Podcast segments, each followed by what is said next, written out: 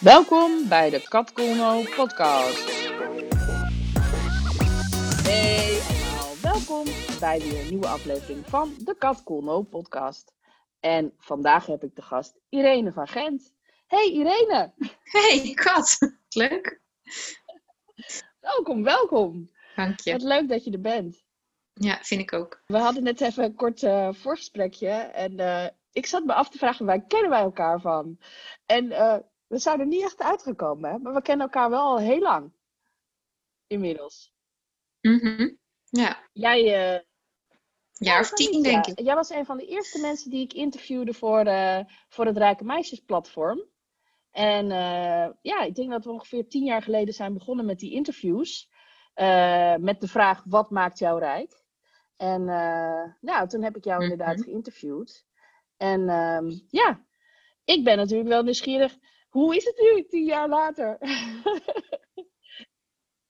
wat, uh, wat ben je allemaal aan het doen? Misschien even handig voor de luisteraars om te weten uh, ja, iets meer over jouzelf. Wat drijft jou? Uh, wat doe je? Ja, nou, het is, als je dan teruggaat naar tien jaar geleden, wat, wat deed ik toen en wat doe ik nu? Ik denk dat ik toen tussen twee seizoenen in even terug in Nederland was, omdat ik toen veel seizoenswerk deed en in de zomer in Griekenland en in de winter in de wintersport uh, werkte. Nu, tien jaar later, uh, uh, zit ik in, in Nederland en kijk ik uit op een grijze lucht. Kale bomen. dat maakt mij altijd intens verdrietig. Um, dus de afgelopen dagen was het toevallig heel mooi weer. En dan word ik dan, als ik dan de zon zie schijnen, dan um, uh, ja, daar word ik echt heel blij van. Dat, dat drijft, ja, hoe moet ik zeggen, dat drijft mij, dat, dat geeft me, de zon geeft mij altijd een rijk gevoel. Als de zon schijnt, dan heb ik eigenlijk niets anders nodig dan, um, uh, dan gewoon buiten zijn of naar buiten kijken of even een koffietje drinken op mijn balkon in de zon. Dan voel ik me echt intens rijk. En um, vandaag, nou niet vandaag, maar deze week was ik er een beetje over aan het nadenken. Ik, ik heb dus vijf jaar die seizoenen afgewisseld in wintersport en de zomer. En nu een jaar of vijf doe ik dat niet. En probeer ik elke, elke winter uh, naar het buitenland te gaan. En het mislukt elke keer. Um, en nu heb ik dus echt, nu, nu ik weer eens naar buiten zat te kijken en dacht, ja, dit, dit kan gewoon niet anders meer. Ik moet het nu zo organiseren uh, dat het wel kan. Um, zodat ik me dus helemaal vrij maak financieel um, of qua werk. Dus dat ik, dat, ik, dat ik werk kan doen wat ik echt overal kan doen. Um, zodat het volgend jaar wel lukt om um, op uh, 1 oktober of uiterlijk 1 november uh, naar de zon te vertrekken en niet voor 1 maart terug te komen. ja, dat is wel een, een grote wens, zeg maar, om dat uh, te realiseren. Ja. Ja. En, dat, en dat heb je dus in het verleden wel gedaan? Maar de laatste jaren komt het er nog van. Nou, dan. Nou, toen ik, het, toen ik die afwisseling had in die seizoenen, werkte ik dus in de zomer echt in de zon zeven maanden. En in de winter in de wintersport. Nou, in de wintersport heb je, is het natuurlijk eigenlijk gewoon koud. Uh, maar ja, hoe hoger je in de bergen zit, hoe meer zon je hebt. Dus, en dat was ook echt wel een ander leven dan het leven dat ik nu heb. Want nu ja, woon ik in Nederland gewoon in een, uh, in een rijtjeshuis. Uh, um, en, en is het niet zo makkelijk om de bergen in te gaan, bij van spreken om even te gaan skiën. En dat, dat gaf ook een rijk gevoel, want dan gingen we altijd skiën even tussen het werk door. Ja, dat is natuurlijk magisch om dat, uh, om dat mee te maken elke dag. Uh, en dan ga je ook skiën als je zin hebt. Dus dat maakt ook rijk, want als je op skivakantie gaat, wat ik overigens nog nooit gedaan heb, dan heb je een weekje en dan mag je hopen dat het Ja. mooi weer is en dat het niet te druk is. En dat het, nou, dus, ja, ja, dus als, het, als je dan zegt over wat maakt je rijk, is dan, dan zo'n lange periode in een bepaald land, in een bepaalde omgeving, waar je dus iets extra's hebt dan dat wat je hier hebt. Want ja, dat, dat, maakt, dan, dat maakt dan rijk, zeg maar. En, en, en de afgelopen vijf jaar is het niet gelukt. En dat heeft heel erg met mijn, ehm, nou, ik denk mijn financiële situatie te maken gehad. Ehm, waardoor, en ook met gun ik mezelf wel of niet dat die periode in het buitenland. Want als ik mezelf dat namelijk echt zou gunnen, omdat ik dat echt nodig heb, dan zou ik misschien mijn leven wel anders ingericht hebben in de andere maanden van het jaar. Maar ik was, dat was nooit zo helder voor mij, denk ik. hoe belangrijk het Maar is. je komt er toch elke keer weer achter als je weer in de november, december maanden komt. denk je, oh ja, oh ja, dat was best wel belangrijk. Ja, inderdaad. En dan is het altijd weer te laat. ja. dan heb ik net weer een nieuwe baan. Of dan heb ik net weer niet genoeg geld. Of dan heb ik, nou ja, weet je, al dat soort dingen. Die, die, ja, Het die is wel dan. interessant, want ik, eh, ik heb vorig jaar dus voor het eerst eh, sinds heel lang wel de winter in het buitenland eh, doorgebracht, in de zon. En dat, dat was ook altijd mijn ambitie Mhm. hoor. Maar ik moet zeggen dat, ja, weet je, ik snap het wel hoor. Dat het wel, maar ik vond het ook zo'n omschakeling om dan weer terug te komen. Dat ook. Ik vond ook, ja, dat kwam omdat ik niet pas op 1 maart Mhm. terugkwam natuurlijk. ik had langer weg moeten blijven. Ik denk dat dat het is. ik vond het echt zo heftig toen ik dan weer vanuit het warme Bali weer Ja. in Nederland kwam. Oh, ja. Dus dat was ook weer zoiets van dat ik dacht, ja, Ja. ehm, Ja, dat is een, ja, dat was best wel een grote schok, ja. Maar goed, dan weet het voor de volgende keer inderdaad tot, tot 1 maart blijven. En dan pas weer, eh, ja, gewoon altijd zon. Ja, ik snap het wel hoor, dat je, dat je er beter Ja. bij gedijt. Ja. hey, en ehm, ja, we hadden het al heel eventjes over, ehm, over geld. En dat dat dus soms een beetje een, ja, het kan een obstakeltje zijn. als het gaat over dromen en als het gaat over eh, je weg volgen, wat natuurlijk een beetje jouw ding is. Daar gaan we het straks zeker nog wel even over hebben. Ehm, wat, eh, wat heb jij van huis uit meegekregen over geld?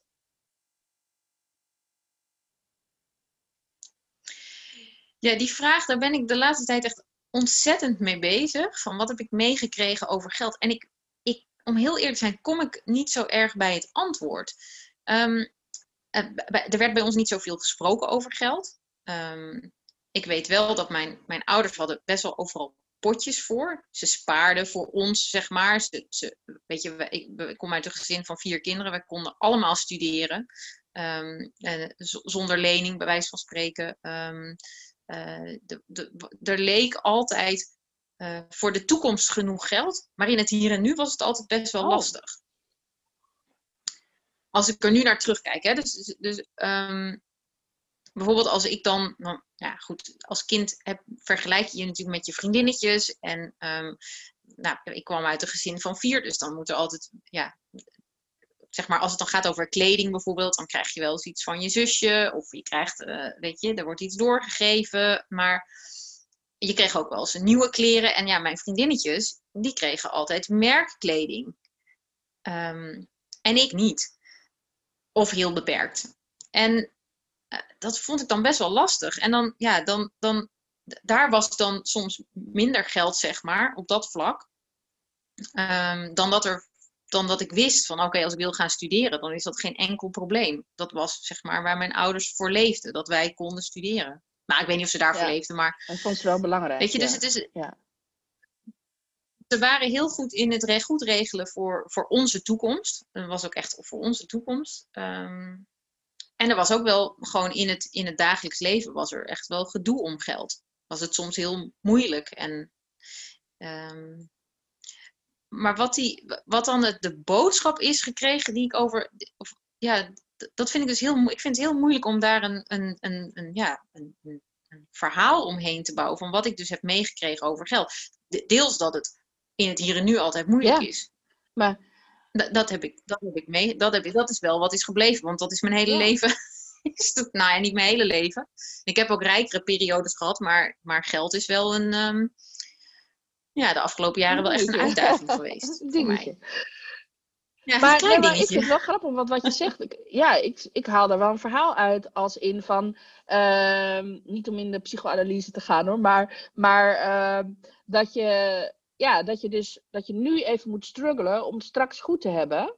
Hè? Dus dat, dat dat een soort van dingetje is. En eh, ja, eh, dat is heel erg naar de toekomst kijken. Terwijl ja, als ik jou, ik ken jou natuurlijk een beetje, eh, jij leeft graag in het hier en nu.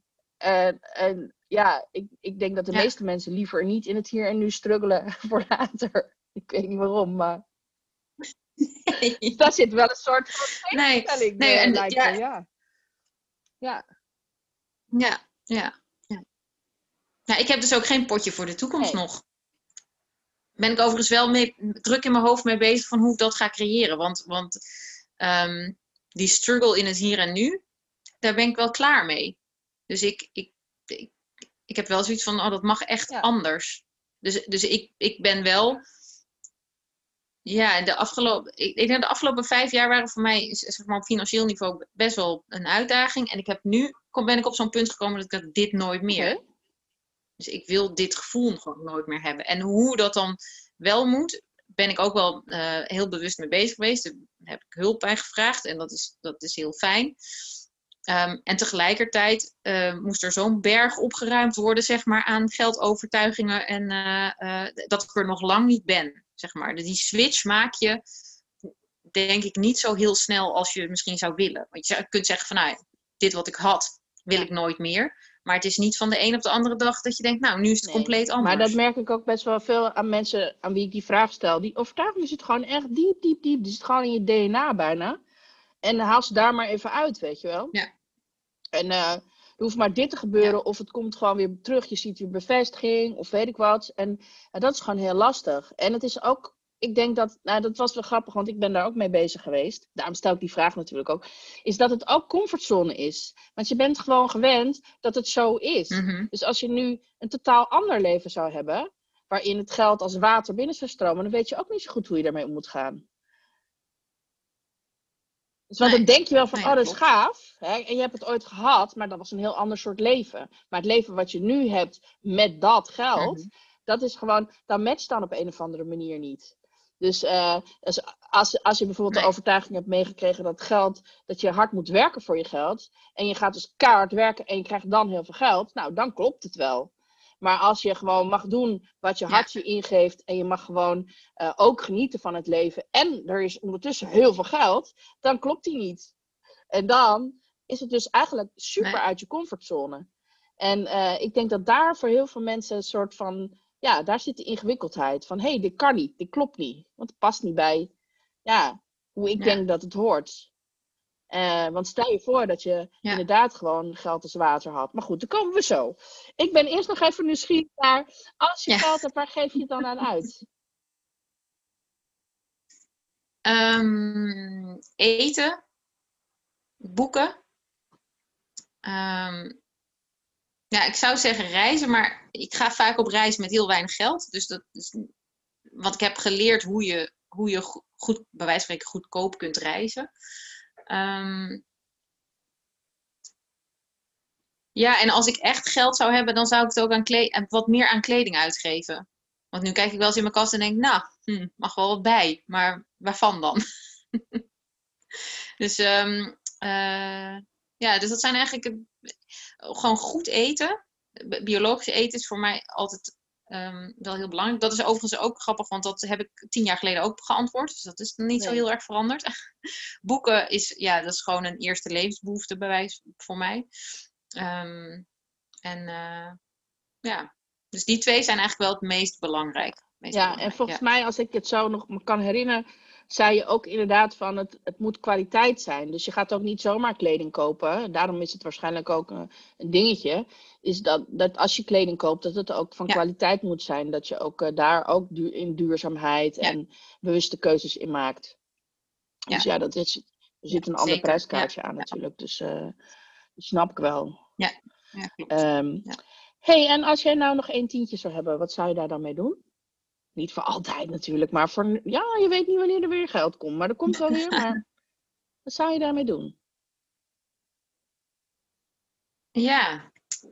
Ehm, ja, dat is dan toch eh, eh, eten of een eh, gewoon lekker eten of een goed boek.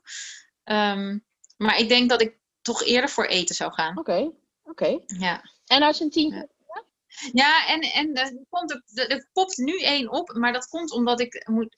Ik, weet niet waarom het oppopt, maar een van, in een van jouw andere interviews zei iemand: Ja, ik zou er iets van kopen waar ik meer mee zou kunnen maken. En dat vind ik eigenlijk.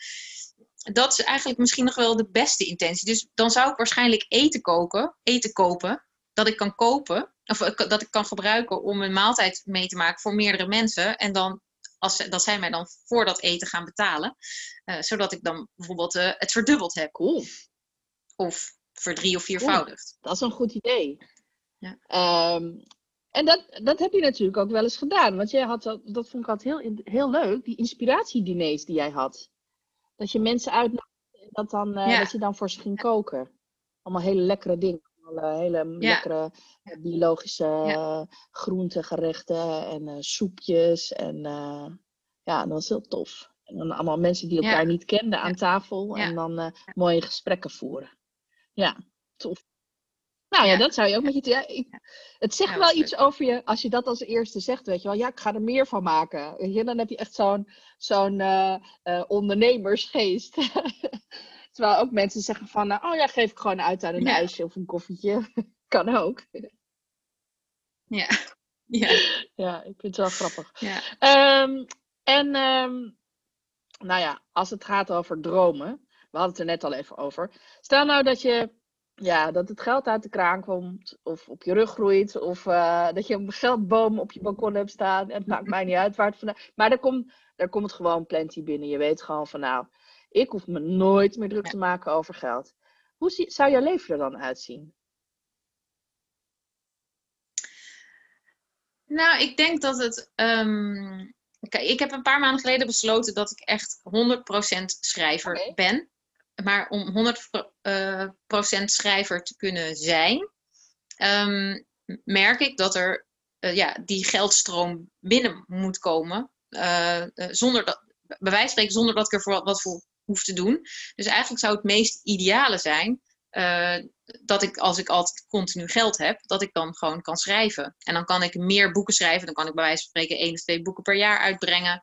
Ehm, dan heb ik, denk ik, mijn leven zou veel rustiger zijn, omdat ik over dat geldstuk niet hoef na te denken. Dus als er continu geld is, hoef ik niet na te denken over, de, hoef ik geen afweging te maken over wat ik wel of niet kan kopen. Hoef ik geen afweging te maken wat ik wel of niet zou doen. Dus het wordt veel, ja, voor mijn gevoel veel eenvoudiger om eh, het leven van mijn dromen te leiden. En dat leven ziet er misschien helemaal niet zo, mm, hoe noem dat, Eh, eh, extreem uit of zo. Eh, behalve dan dat ik mijn huis hier in Utrecht zou verruilen voor een huis ergens op een zonnige plek. En dat huis zou, zou dan van mij zijn, eh, in plaats van dat ik het huur.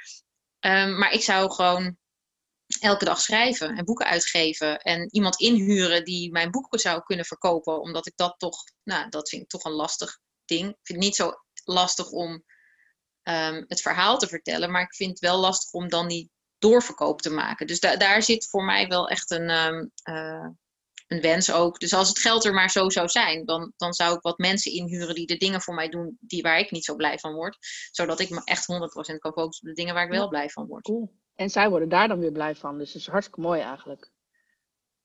Dat is Ja, het leuke van, Ja, van dat ja, idee eigenlijk. En eh, ja, ik kan me ook voorstellen dat als je inderdaad schrijver wil zijn en je moet over geld nadenken, dat het gewoon toch echt wel beperkend is. Dat, het, dat je gewoon, ja, weet je.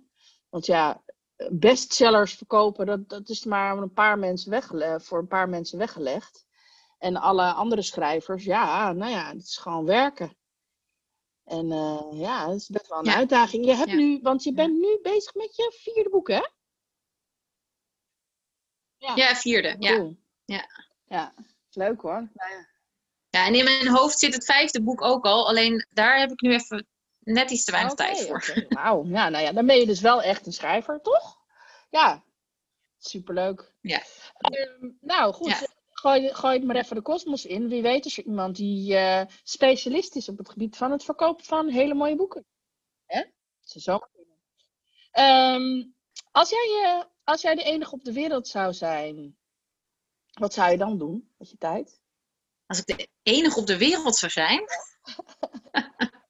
Super saai.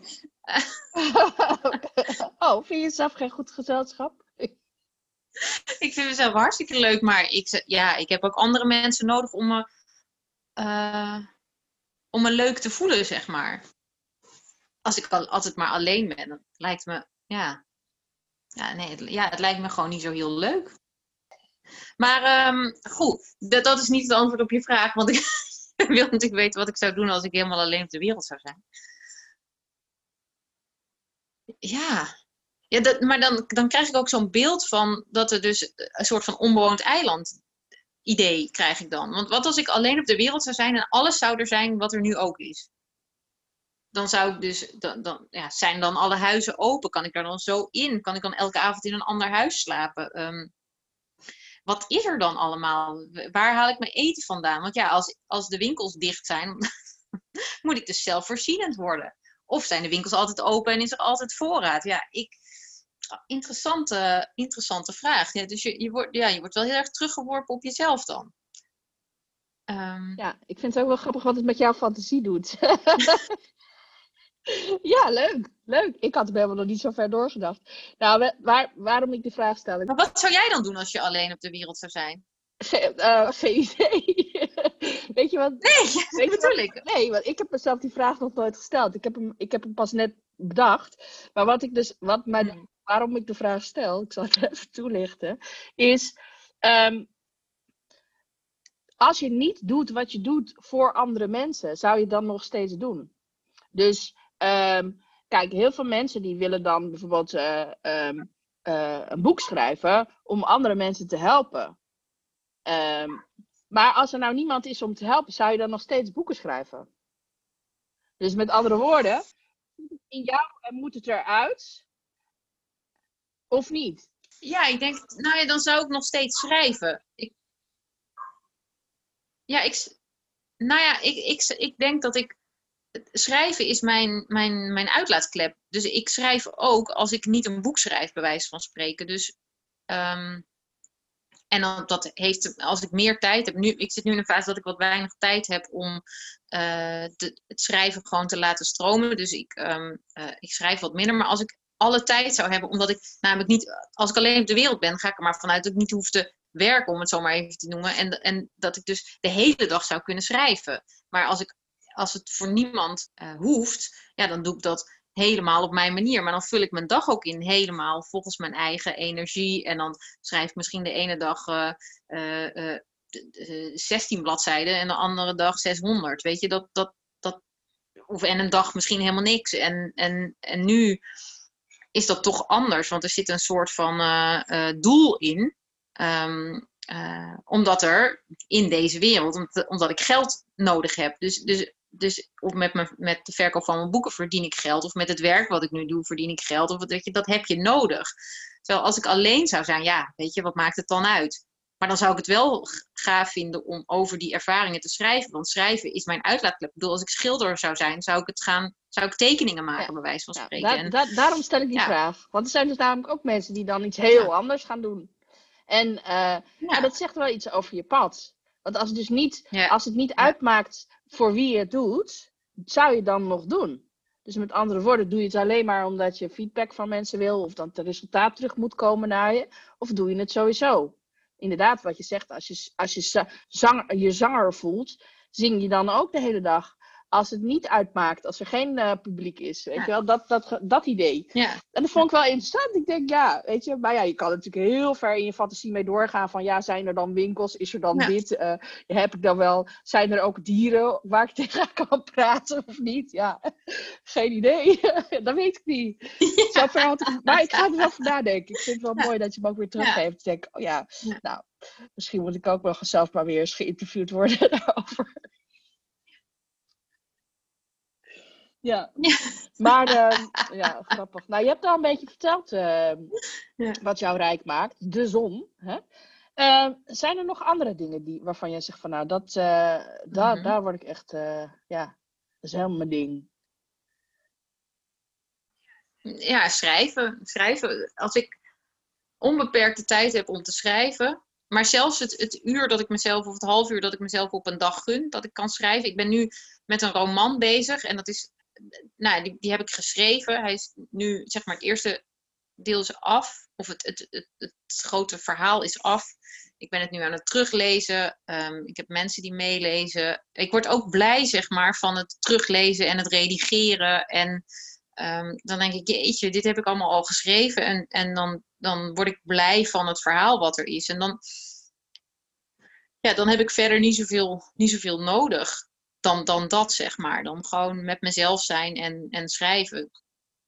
En tegelijkertijd kan ik ook heel erg, me heel erg rijk voelen als ik een avond met mijn partner op de bank zit en uh, uh, uh, we een goed gesprek hebben of een film kijken of wat dan ook. Ehm, of met, met mijn neefjes zijn, of met mijn familie zijn. Nou, mijn familie niet altijd, maar wel vaak, vaker wel nu. Dan met mensen zijn, met vrienden zijn, een goed gesprek, eh, een wandeling in de natuur. Uh, ja, dat zijn dingen die mij, die mij wel heel gelukkig maken. Ja. Mooi. En uh, wat, wat zie jij als jouw grootste goud? Hmm. Ja, dat ik, dat ik um, ja, oeh, deze, deze is lastig, want nu ga Kom je zo'n stuk. Nou, omdat het, um, ja, een beetje zo, op, ik ga mezelf even op de borst kloppen, want dit is wat ik heel goed kan. En dan ga dan, nu heb ik het idee van, dan ga ik iets zeggen. Mm, kijk, het, het, ik ben heel goed in, in moeilijke dingen makkelijk maken om ze te, makkelijker te omschrijven. Maar ook dus om dingen onder woorden te brengen. Dus dingen die heel veel mensen moeilijk vinden, uh, die vertel ik wel. Dat vraagt een. Voor mij is het normaal, zeg maar. Voor anderen zou dat een heel stuk um, van een, ja, een kwetsbare kant, zeg maar, vragen om dat te delen. En tegelijkertijd merk ik ook, want je, je hebt nu natuurlijk um, ja, op welke, via welke kanalen deel je het dan? Hè? Ga je online dingen delen of gaat het persoonlijk? En ik merk dat bij mij, dat ik het ook fijn vind om dingen persoonlijk te delen. Dus in kleinere settingen. Dat je, um, en dan nog, zeg maar, die moeilijke dingen makkelijk maken. Ik denk dat dat de essentie is van, van wat mijn grootste uh, talent is. Um, om onderwerpen aan te snijden die anderen misschien niet zo snel aan durven snijden. Of even de, de knuppel in het hoenderhok te gooien. Zo van, uh, hey, maar wat als... En zien wat er in een, in een bepaalde situatie gebeurt. Uh, en dat benoemen. Ik denk dat daar wel mijn... Ja. Mooi. Mooi. Dat is wel mijn goud, denk ik. Ja, het kan alles zijn, hè? En het zijn vaak de dingen die jij heel stelsprekend vindt. Waarvan andere mensen zeggen, oh, dat is bijzonder dat jij dat kan. Ja. Dat, ja. is, dat is het. Dus soms zie, ja. je het, zie je het niet omdat je er gewoon zo dicht bovenop zit. Maar ja. mooie, mooie realisatie dat je dat kan. En het is niet iets wat iedereen kan, inderdaad. Er zijn nee. heel veel mensen die het niet kunnen. Um, mooi. Nou ja, daar kan je heel veel mensen mee inspireren. En over inspiratie gesproken. Um, waar haal je het vandaan, die inspiratie? Wat is bijvoorbeeld jouw favoriete boek en waarom? Oeh, um, ik heb meestal uh, per fase een favoriet boek. Uh, dus het is niet dat ik één favoriet boek heb dat altijd met me meegaat. Maar ik heb één boek wat ik meerdere malen heb gelezen. Um, uh, maar meestal heb ik, lees ik een boek een keer en dan haal ik er wat uit en dan ga ik weer door naar het volgende boek. Dus daar haal ik voor een deel mijn inspiratie uit. Maar dat is altijd dus, dus um, per, per moment uh, gezien, zeg maar. Maar als ik kijk naar bijvoorbeeld de inspiratie voor mijn boeken, ja, die haal ik uit, ja, laten we het de lucht noemen. Ik, ik kan, het boek wat ik nu aan het schrijven ben, is ontstaan omdat ik op een gegeven moment vier jaar geleden in Frankrijk wakker werd met een zin in mijn hoofd. En ik ben gaan zitten en ik ben die zin op gaan schrijven. En toen kwam er opeens een heel verhaal achteraan. Um, en toen heb ik bij wijze van spreken een uur, anderhalf uur in bed zitten schrijven, omdat dat verhaal gewoon ontstond. En dat ben ik verder gaan uitwerken. En dat verhaal dat ontstaat ook het beste als ik kan intunen op, op nou ja, het universele gedachtegoed of zo. Weet je, die, daar haal ik dan voor dat, dit boek mijn inspiratie vandaan. Maar ik denk dat dat heel vaak geldt. Um, dat ik daar mijn inspiratie vandaan haal. Want zoals gisteravond bijvoorbeeld, ik, ik ben nu met een, uh, een interim klus bezig. En er was een vraagstuk dat naar boven kwam. En ik moest daar iets mee. En ik had dus bedacht, dat ga ik dan vandaag ga ik dat uh, antwoord vinden. En dan zou een logische stap zijn, nou, ik ga achter mijn laptop zitten, ik open een blank vel papier, ik zet de vraag bovenaan en ik schrijf het antwoord op. Wat er ertoe kan leiden dat, dat ik de hele dag zou zitten en um, het antwoord niet zou krijgen. En nu, die vraag die zweefde een beetje zo door mijn hoofd gisteravond. En vlak voordat ik naar bed ging en ik was echt heel moe, had ik opeens een antwoord. En toen dacht ik, waar, waar komt dit nou weer vandaan? Weet je wel, waar, hoe komt nou dit antwoord tot mij? Ja, en dat komt dus uit, uit, uit nou ja, ik denk dat iedereen kan intunen op het universele gedachtegoed, alleen dat we geen idee hebben hoe dat dan werkt. En zodra je weet hoe dat werkt, kun je dus loslaten dat je ehm, op je werk de hele dag achter je computer moet zitten om een antwoord te krijgen. Maar dat je beter kunt gaan, gaan wandelen, zeg maar, om een antwoord te krijgen. Of een puzzel te gaan maken, of weet ik veel wat, wat te doen waar jij gelukkig van wordt. Ehm, want zoals de meeste uh, goeroes, ook wel zullen zeggen, is uh, je, je beste idee krijg je onder de douche. Omdat je er dan juist niet mee bezig bent. Um, en, en dat zijn, weet je, daar geloof ik dus ook niet zo in, zeker als kenniswerker, dat je niet acht uur achter je computer moet zitten, maar dat je juist gewoon andere dingen moet doen om tot een antwoord te komen. Het is gewoon achterhaald om dat te doen. Het is ook hartstikke ongezond, dus waarom zou je het überhaupt doen? Maar als je weet hoe dat werkt met inspiratie, ja, dan kun je zoveel meer creëren in korte tijd dan je, dan je, um, dan je nu denkt. Ja, eens, eens. Ik heb ook altijd mijn beste idee, die gaan altijd het doucheputje in. ik had dan zoiets van, uh, ik, moet, uh, ik moet een uh, opschrijfdingetje voor in de douche, dat bestaat tegenwoordig. Maar toen ik dat bedacht, dan, toen was dat er nog niet. En toen dacht ik van, nou, hoe moet ik dat nou doen? Moet dan op de hmm. muur gaan schrijven of zo, weet je wel? Maar het is, het is waar wat je zegt. Maar het is, er zijn twee stromingen daarin. Hè? Er zijn ook mensen die zeggen van, je mag, moet, mag wel op de achter de computer gaan zitten en jezelf uh, eraan wennen dat het dan in dat moment gewoon touch mag komen. En dat, het dan, uh, dat je op dat moment gewoon open voor staat. Maar niet geforceerd, maar wel zo van. Soms, soms kan je, uh, nou ja, letterlijk door beginnen, te beginnen lopen. Hè? Dus naar buiten te gaan, te wandelen of dat soort dingen. Dus tot die inspiratie komen. En soms kan het door beginnen te typen ook komen. Ja, dat is ook zo. Weet je, het is, ieder heeft denk ik zijn eigen methode ervoor. Ik bedoel, ik heb ook wel eens dat ik dat ik, ga, dat ik een verhaal moet schrijven en dat dat dan op een gegeven moment af moet en ik heb nog niks, dan begin ik ook gewoon te schrijven. En dan opeens denk ik, oh, dit is, hier komt de lijn. En dan ga ik het herschrijven en dan komt het, dan komt het ook wel. Um, en ik denk ook dat het heel essentieel is dat ieder zijn eigen weg daarin volgt en zijn eigen manier daarin, daarin vindt. Maar het is voor mij maar om aan te geven dat um, ik word me er steeds bewuster van dat er een soort van universeel bewustzijn is waar je op in kunt tunen, waar alle antwoorden al liggen. En um, laatst hoorde ik ergens dat, er, um, dat vrouwen daar wat gevoeliger voor zijn om, om de onderstroom misschien al te voelen en, en daarin mee te bewegen. En ik heb altijd gehad dat ik, en dat besef ik nu pas en nu kan ik daar gebruik van maken, maar dat ik gewoon het antwoord al lang wist op een vraag, zonder dat ik daar zeg maar, bepaalde handelingen voor hoefde uh, uh, uit te voeren of bepaalde kennis voor moest uh, vinden. Um, maar dat ik, het, dat ik het gewoon intuïtief wel aanvoelde. En dan is het fijn om het te kunnen onderbouwen met, met bewijzen of, of, of onderzoeken als dat nou eventueel nodig zou zijn. Maar ja. Maar geloofde je dan ook dat dat het antwoord een beetje was? Af. Wat zeg je? Nee, maar geloofde je dan ook dat dat het antwoord was? Nou, dat je denkt van het komt zo makkelijk tot me. Dat, nou, dat kan niet. Nou ja, dan ga, dan ga je dus op zoek naar, naar, naar uh, is dit echt waar? En, en, en nu, kijk, 10, 20 jaar geleden durfde ik daar niet op te vertrouwen dat dat het antwoord was. Maar nu kan ik makkelijker zeggen, oh ja, maar dit is gewoon het antwoord. Ik, dit voel ik zo sterk. Dit is, dit is... Maar dat heeft ook te maken met alles wat ik in de afgelopen jaren heb gedaan om dichter te komen bij bij dat uh, gevoel van um, dit is wie ik ben, dit is wat ik weet, dit is, dit is de waarheid. En op het moment dat ik voel, dit is de waarheid, dan is het gewoon de waarheid. En op het moment dat ik denk, nou, volgens mij moet ik dit nog even onderzoeken, dan ga ik het wel onderzoeken. Um, en dat is, met, dat is soms best lastig als je gesprekken hebt met mensen die heel erg nog op de wetenschap bouwen. Um, uh, want die, ja, als ik zeg, ja, maar dit is mijn waarheid, dan zeggen ze, ja, maar onderbouw dat maar eens. En dan denk ik, ja, onderbouwen, dit is toch gewoon de waarheid? ja, die willen dan een bepaald soort onderbouwing. En dan denk ik, ja, ik ga hem niet zoeken, zoek hem even lekker zelf.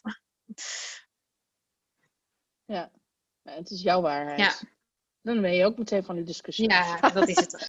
Ja. ja, nou ja, goed. Het ging over inspiratie. En dit, is, dit, dit gaat ook over inspiratie. Ik, ik vroeg me af, uh, want nou ja, een favoriet boek, dat is dus een lastige vraag. Nou, dus daar houden we over op.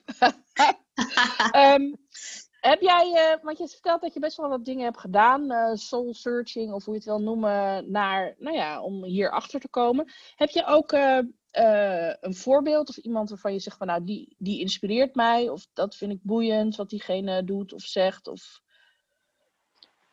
Um, nou, een van mijn grote voorbeelden, maar dat is meer vaktechnisch gezien, zeg maar, is um, Elizabeth Gilbert.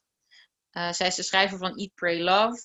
En heeft daarna nog heel veel andere mooie boeken geschreven. Um, ik vind haar als mens gewoon een heel ja, inspirerend persoon. En ik vind haar boeken, nou ja, die vind ik echt alle, bijna allemaal fantastisch. Um, omdat ze uh, vaak gaan over uh, vrouwen die bijzondere stappen in hun leven zetten. Net zo, daarbij begon ze natuurlijk met haar eigen verhaal, maar daar is ze verder gegaan in, in ook andere verhalen. Um, Suzanne Smit is ook zo'n schrijfster die, die ik um, daarom erg ambieer, omdat ze ook echt, echt powervrouwen uit vroeger tijden, zeg maar, um, uh, aan het licht brengt. En ook, ja, zij, zij hebben gewoon dat schrijversleven opgepakt. Dus als je het dan hebt over mensen die mij inspireren, dan, dan zijn dat um, uh, ja, wel twee vrouwen die dat echt um, uh, voor zijn. En verder vind ik eigenlijk elke ondernemer die echt iets durft te doen waar hij in gelooft. Heel inspirerend.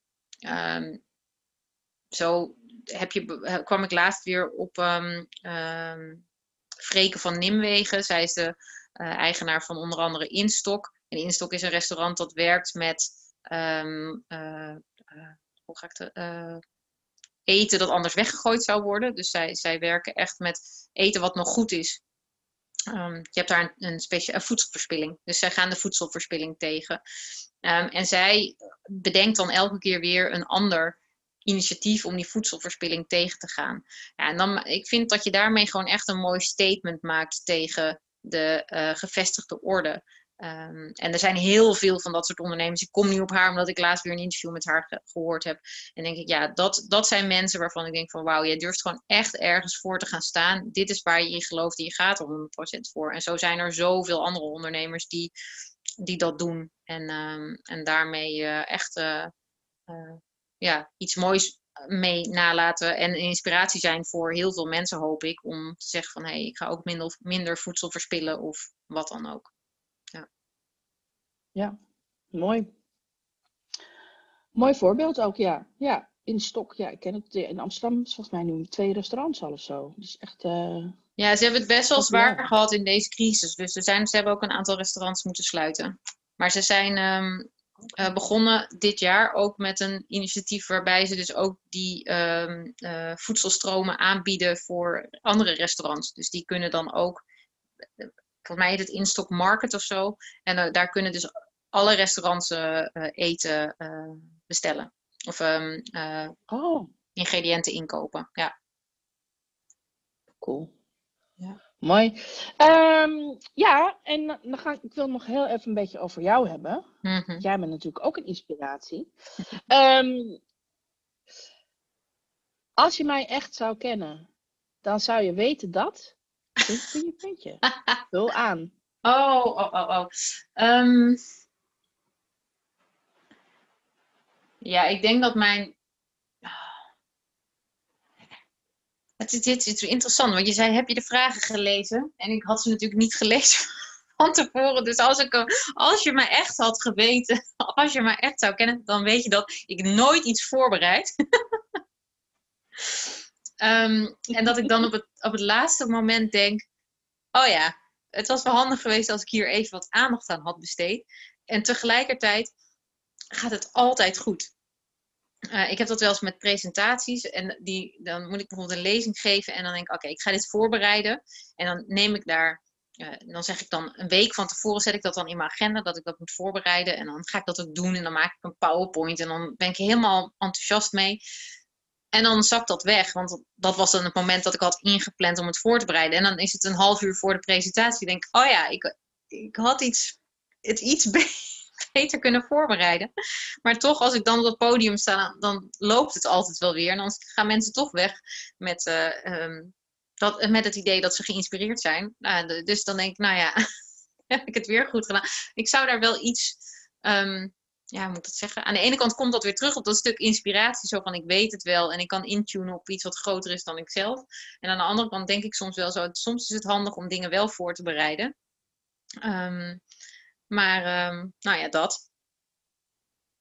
Word je er dan nerveuzer van? Omdat je het dan uiteindelijk toch niet gedaan hebt. Dat je dan denkt, ah, dat je spijt hebt? Ja, dat, ja, dat is wel. Dat, dat, dat gebeurt dus wel. Dus dan komen er meer zenuwen. Maar, maar ik denk dat ik het niet. Um, ik denk dat die zenuwen er dan vandaan komen. Dat, het, dat ik in mijn hoofd heb van zo hoort het eigenlijk. Dus zo zullen anderen dat wel doen. En um, ja. Ik weet dat alle, heel veel kennis zit gewoon in mij. Dus daar hoef ik helemaal niet um, veel voor te doen. Want het is mijn verhaal. Ik bedoel, ik geef lezingen over de boeken die ik heb geschreven. Ik ben er echt wel mee bezig geweest. Dus ik weet echt wel waar het over gaat. Um, maar ik denk dan dat andere mensen, weet je, goede sprekers of mensen die veel podia staan, dat dan heel erg voorbereiden. Maar ik kan me voorstellen dat bij, voor hen eigenlijk precies hetzelfde geldt. Ja, ze kennen hun eigen verhaal. Ze hebben een bepaalde opzet en die lopen ze, die lopen ze na. En de ene keer is dat een half uur en de andere keer tien minuten. Ja, weet je. Dus, het is, dus ik vind ja. dat wel fascinerend, want het maakt, me, het maakt me nerveus. En toch, als ik op dat podium sta, ja, geef me een microfoon in mijn hand en ik lul wel. Weet je, dus, dus niet.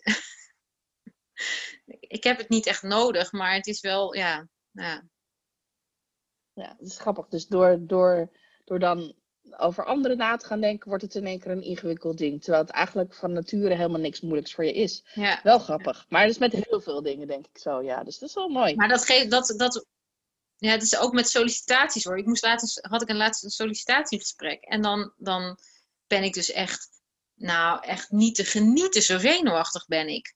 Terwijl ik had me voorgenomen, ik ga gewoon 100% mezelf zijn in dit gesprek. En door 100% mezelf te zijn, had, heb ik die baan gekregen. Waardoor ik dus gewoon, ja, nu denk, die zenuwen van die drie dagen hadden best wel gewoon door dat doucheputje mogen glijden. Want die waren helemaal nergens voor nodig. Maar dat vergeet je dan weer. En de volgende keer is het weer zo. En dan denk je ook niet, oh, vorige keer was ik ook zo zenuwachtig. Oh, dat was helemaal niet nodig. Dat vergeet je dan gewoon weer. Het is heel raar. Ja. Ja, Op een of andere ja misschien wel, is het wel handig ik, om gewoon briefjes op te hangen. Um, op mijn, ik heb nu een bureau en dan heb ik allemaal geeltjes over abundance uh, hangen. Maar ik kan natuurlijk ook geeltjes ophangen met... Uh, ik hoef alleen maar mezelf te zijn, dan komt alles goed. Nou, dat is misschien wel een goede, ja. En meteen een hele mooie tip voor onze luisteraars. Uh, ja. wat, zie jij, wat zie jij als je grootste levensles of levensinzicht? Nou, je hebt al wat dingen genoemd, maar. Um, ja, dat het altijd goed komt. Of eigenlijk misschien wel dat het altijd al goed is. Um, de, ik kon me echt dood aan irriteren dat, dat um, mijn uh, partner dat altijd, mijn ex-partner dat altijd zei. Dan zei ik, uh, het komt goed. En zei hij, het is al goed. En ik dacht, ja, het is helemaal niet goed. Um, maar ik heb wel echt geleerd dat dingen, als, je, als je besluit dat ze al goed zijn, ook al is het in het hier en nu heel moeilijk, um, dan uh, ja, is het ook makkelijker te vertrouwen dat het, dat het goed komt, zeg maar, dat het beter wordt. Um, en dat is is een vertrouwen wat gewoon steeds dieper van binnen bij mij, uh, uh, uh, dat ik dat steeds beter kan voelen. En heel soms dan verdwijnt het weer. En dan is, kan het heel donker, moeilijk en zwart worden in mijn leven. En dan denk ik, nou, dit komt echt helemaal nooit meer goed. Um, uh, maar het vertrouwen is er nu wel, ook door hoe vaker je dingen meemaakt en hoe vaker je dingen ook op een bepaaldezelfde manier meemaakt, dan weet je gewoon, ja, ik hoef me hier niet meer druk over te maken, want het komt altijd goed. Um, en als we het dan hebben over, want dan komen we, wil ik even terugkomen op het stukje geld.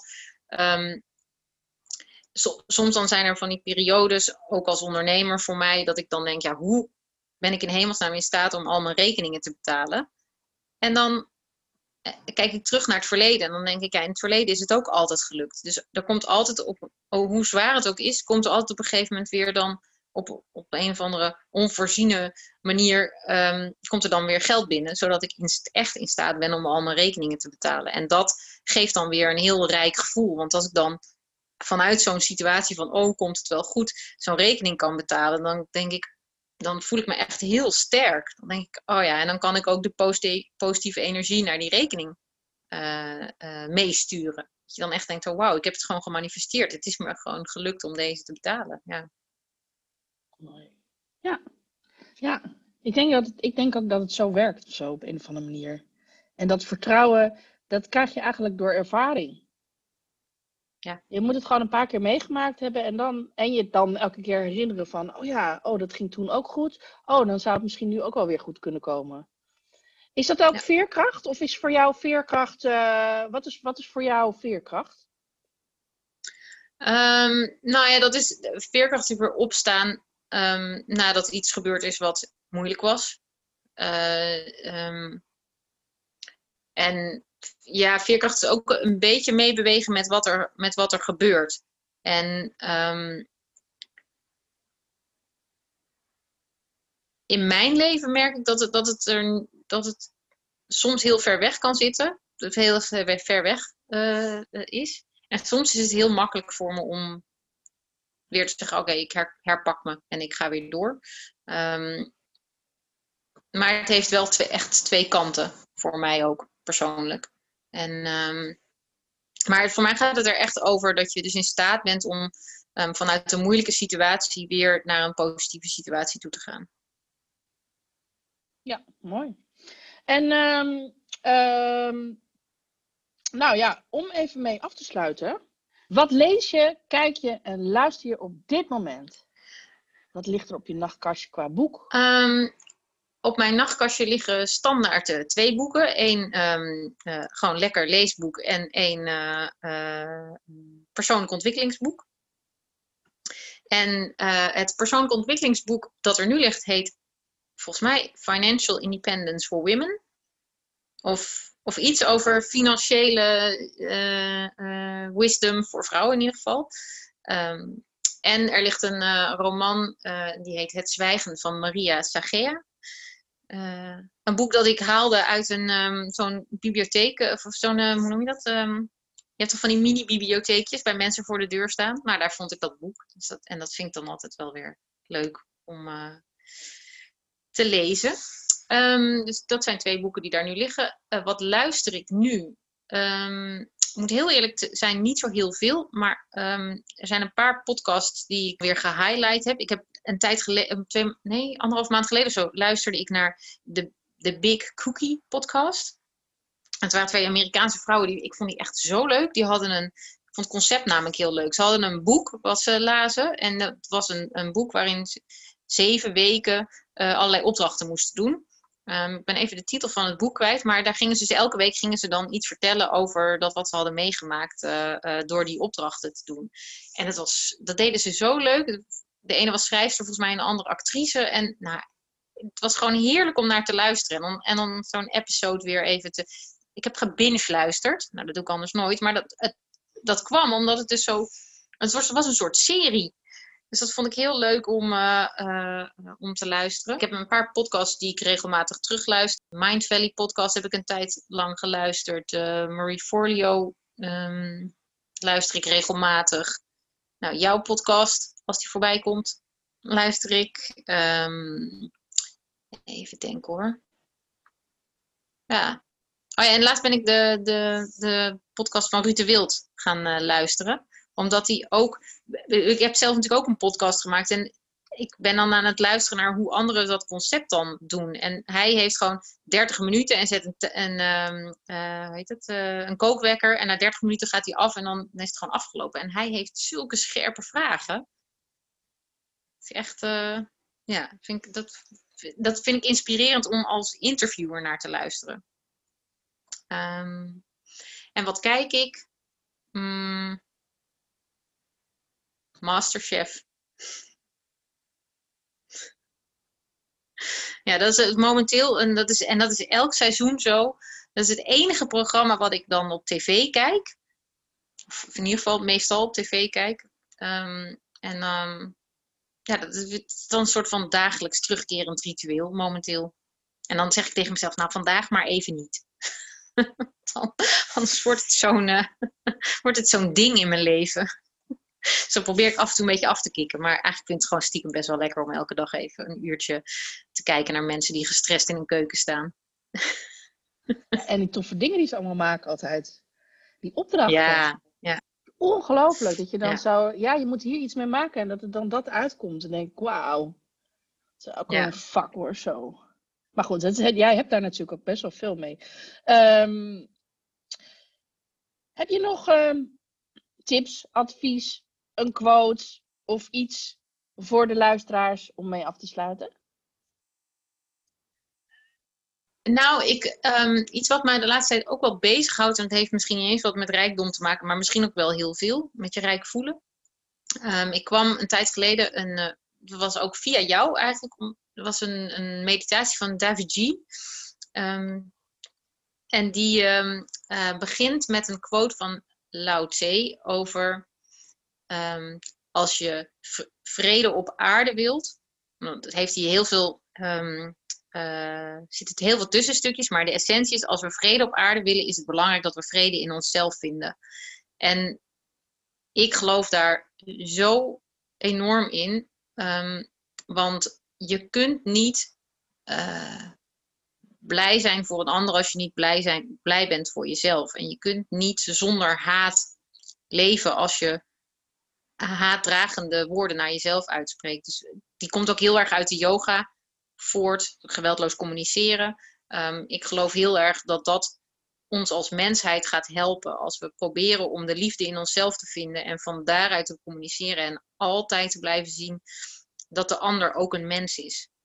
En dat is soms heel erg lastig. Ik bedoel, kijk naar de situatie waar we nu in zitten, waarin er zoveel commentaar is op de mensen die ons land besturen. Weet je, laten we eerlijk zijn, die mannen doen ook maar wat.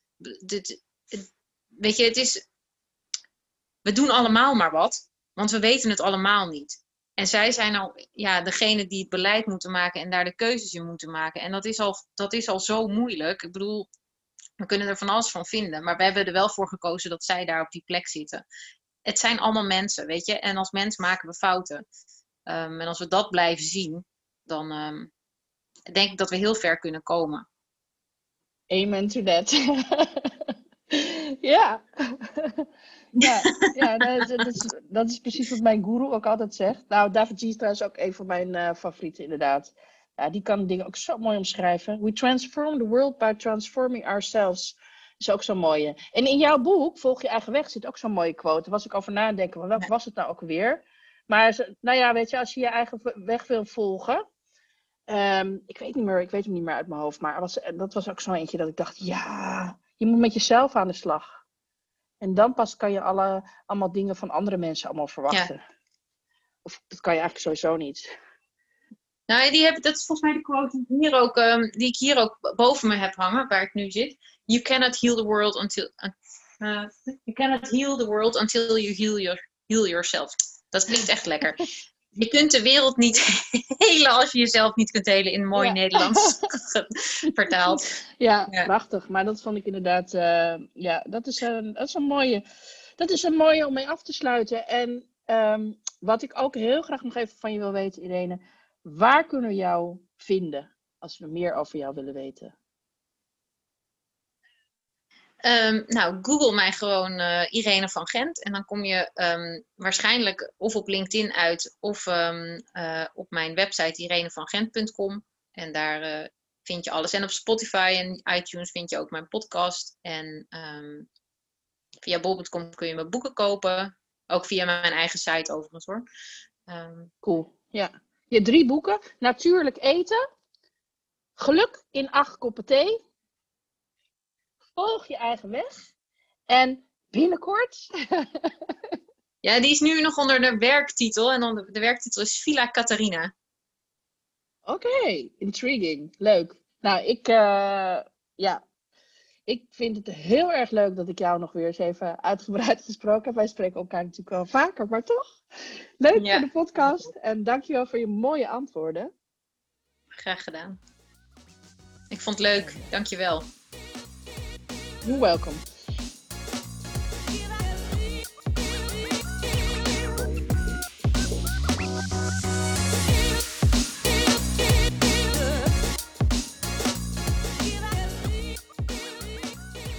Dankjewel voor het luisteren naar deze podcast. Mocht je willen connecten of meer informatie willen hebben, dan kan je me vinden op LinkedIn en op Instagram, katkolno. Tot de volgende keer. Ciao.